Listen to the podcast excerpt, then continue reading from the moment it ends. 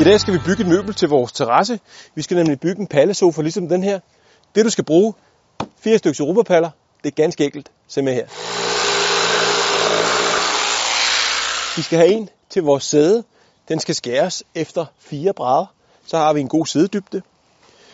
Vi skal bruge to paller til siderne. De skal skæres hele vejen ned over her. Og jeg skal nok komme nærmere ind på, hvordan de så skal se ud. Så har vi selve ryggen, og den skal faktisk forblive helt. Det eneste, der skal ske med den, det er, at vi lige fjerner klodserne på bagsiden.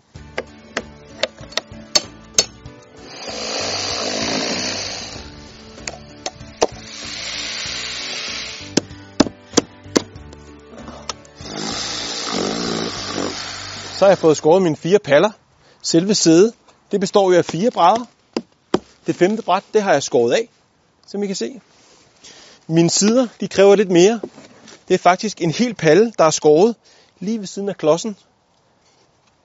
Så har jeg fjernet klodserne på bagsiden og de to nederste brædder. Selve afskæringen, den kommer nedenunder det fjerde bræt, som jeg så har taget af, så man kan se nogle fine, tydelige ben.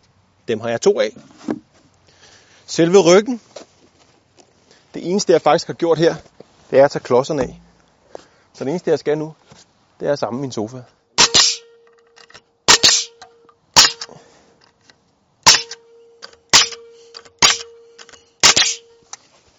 Så blev vi faktisk færdige med at samle vores pallesofa. Nu skal vi bare have den afprøvet. Ja, det er sgu en god sofa.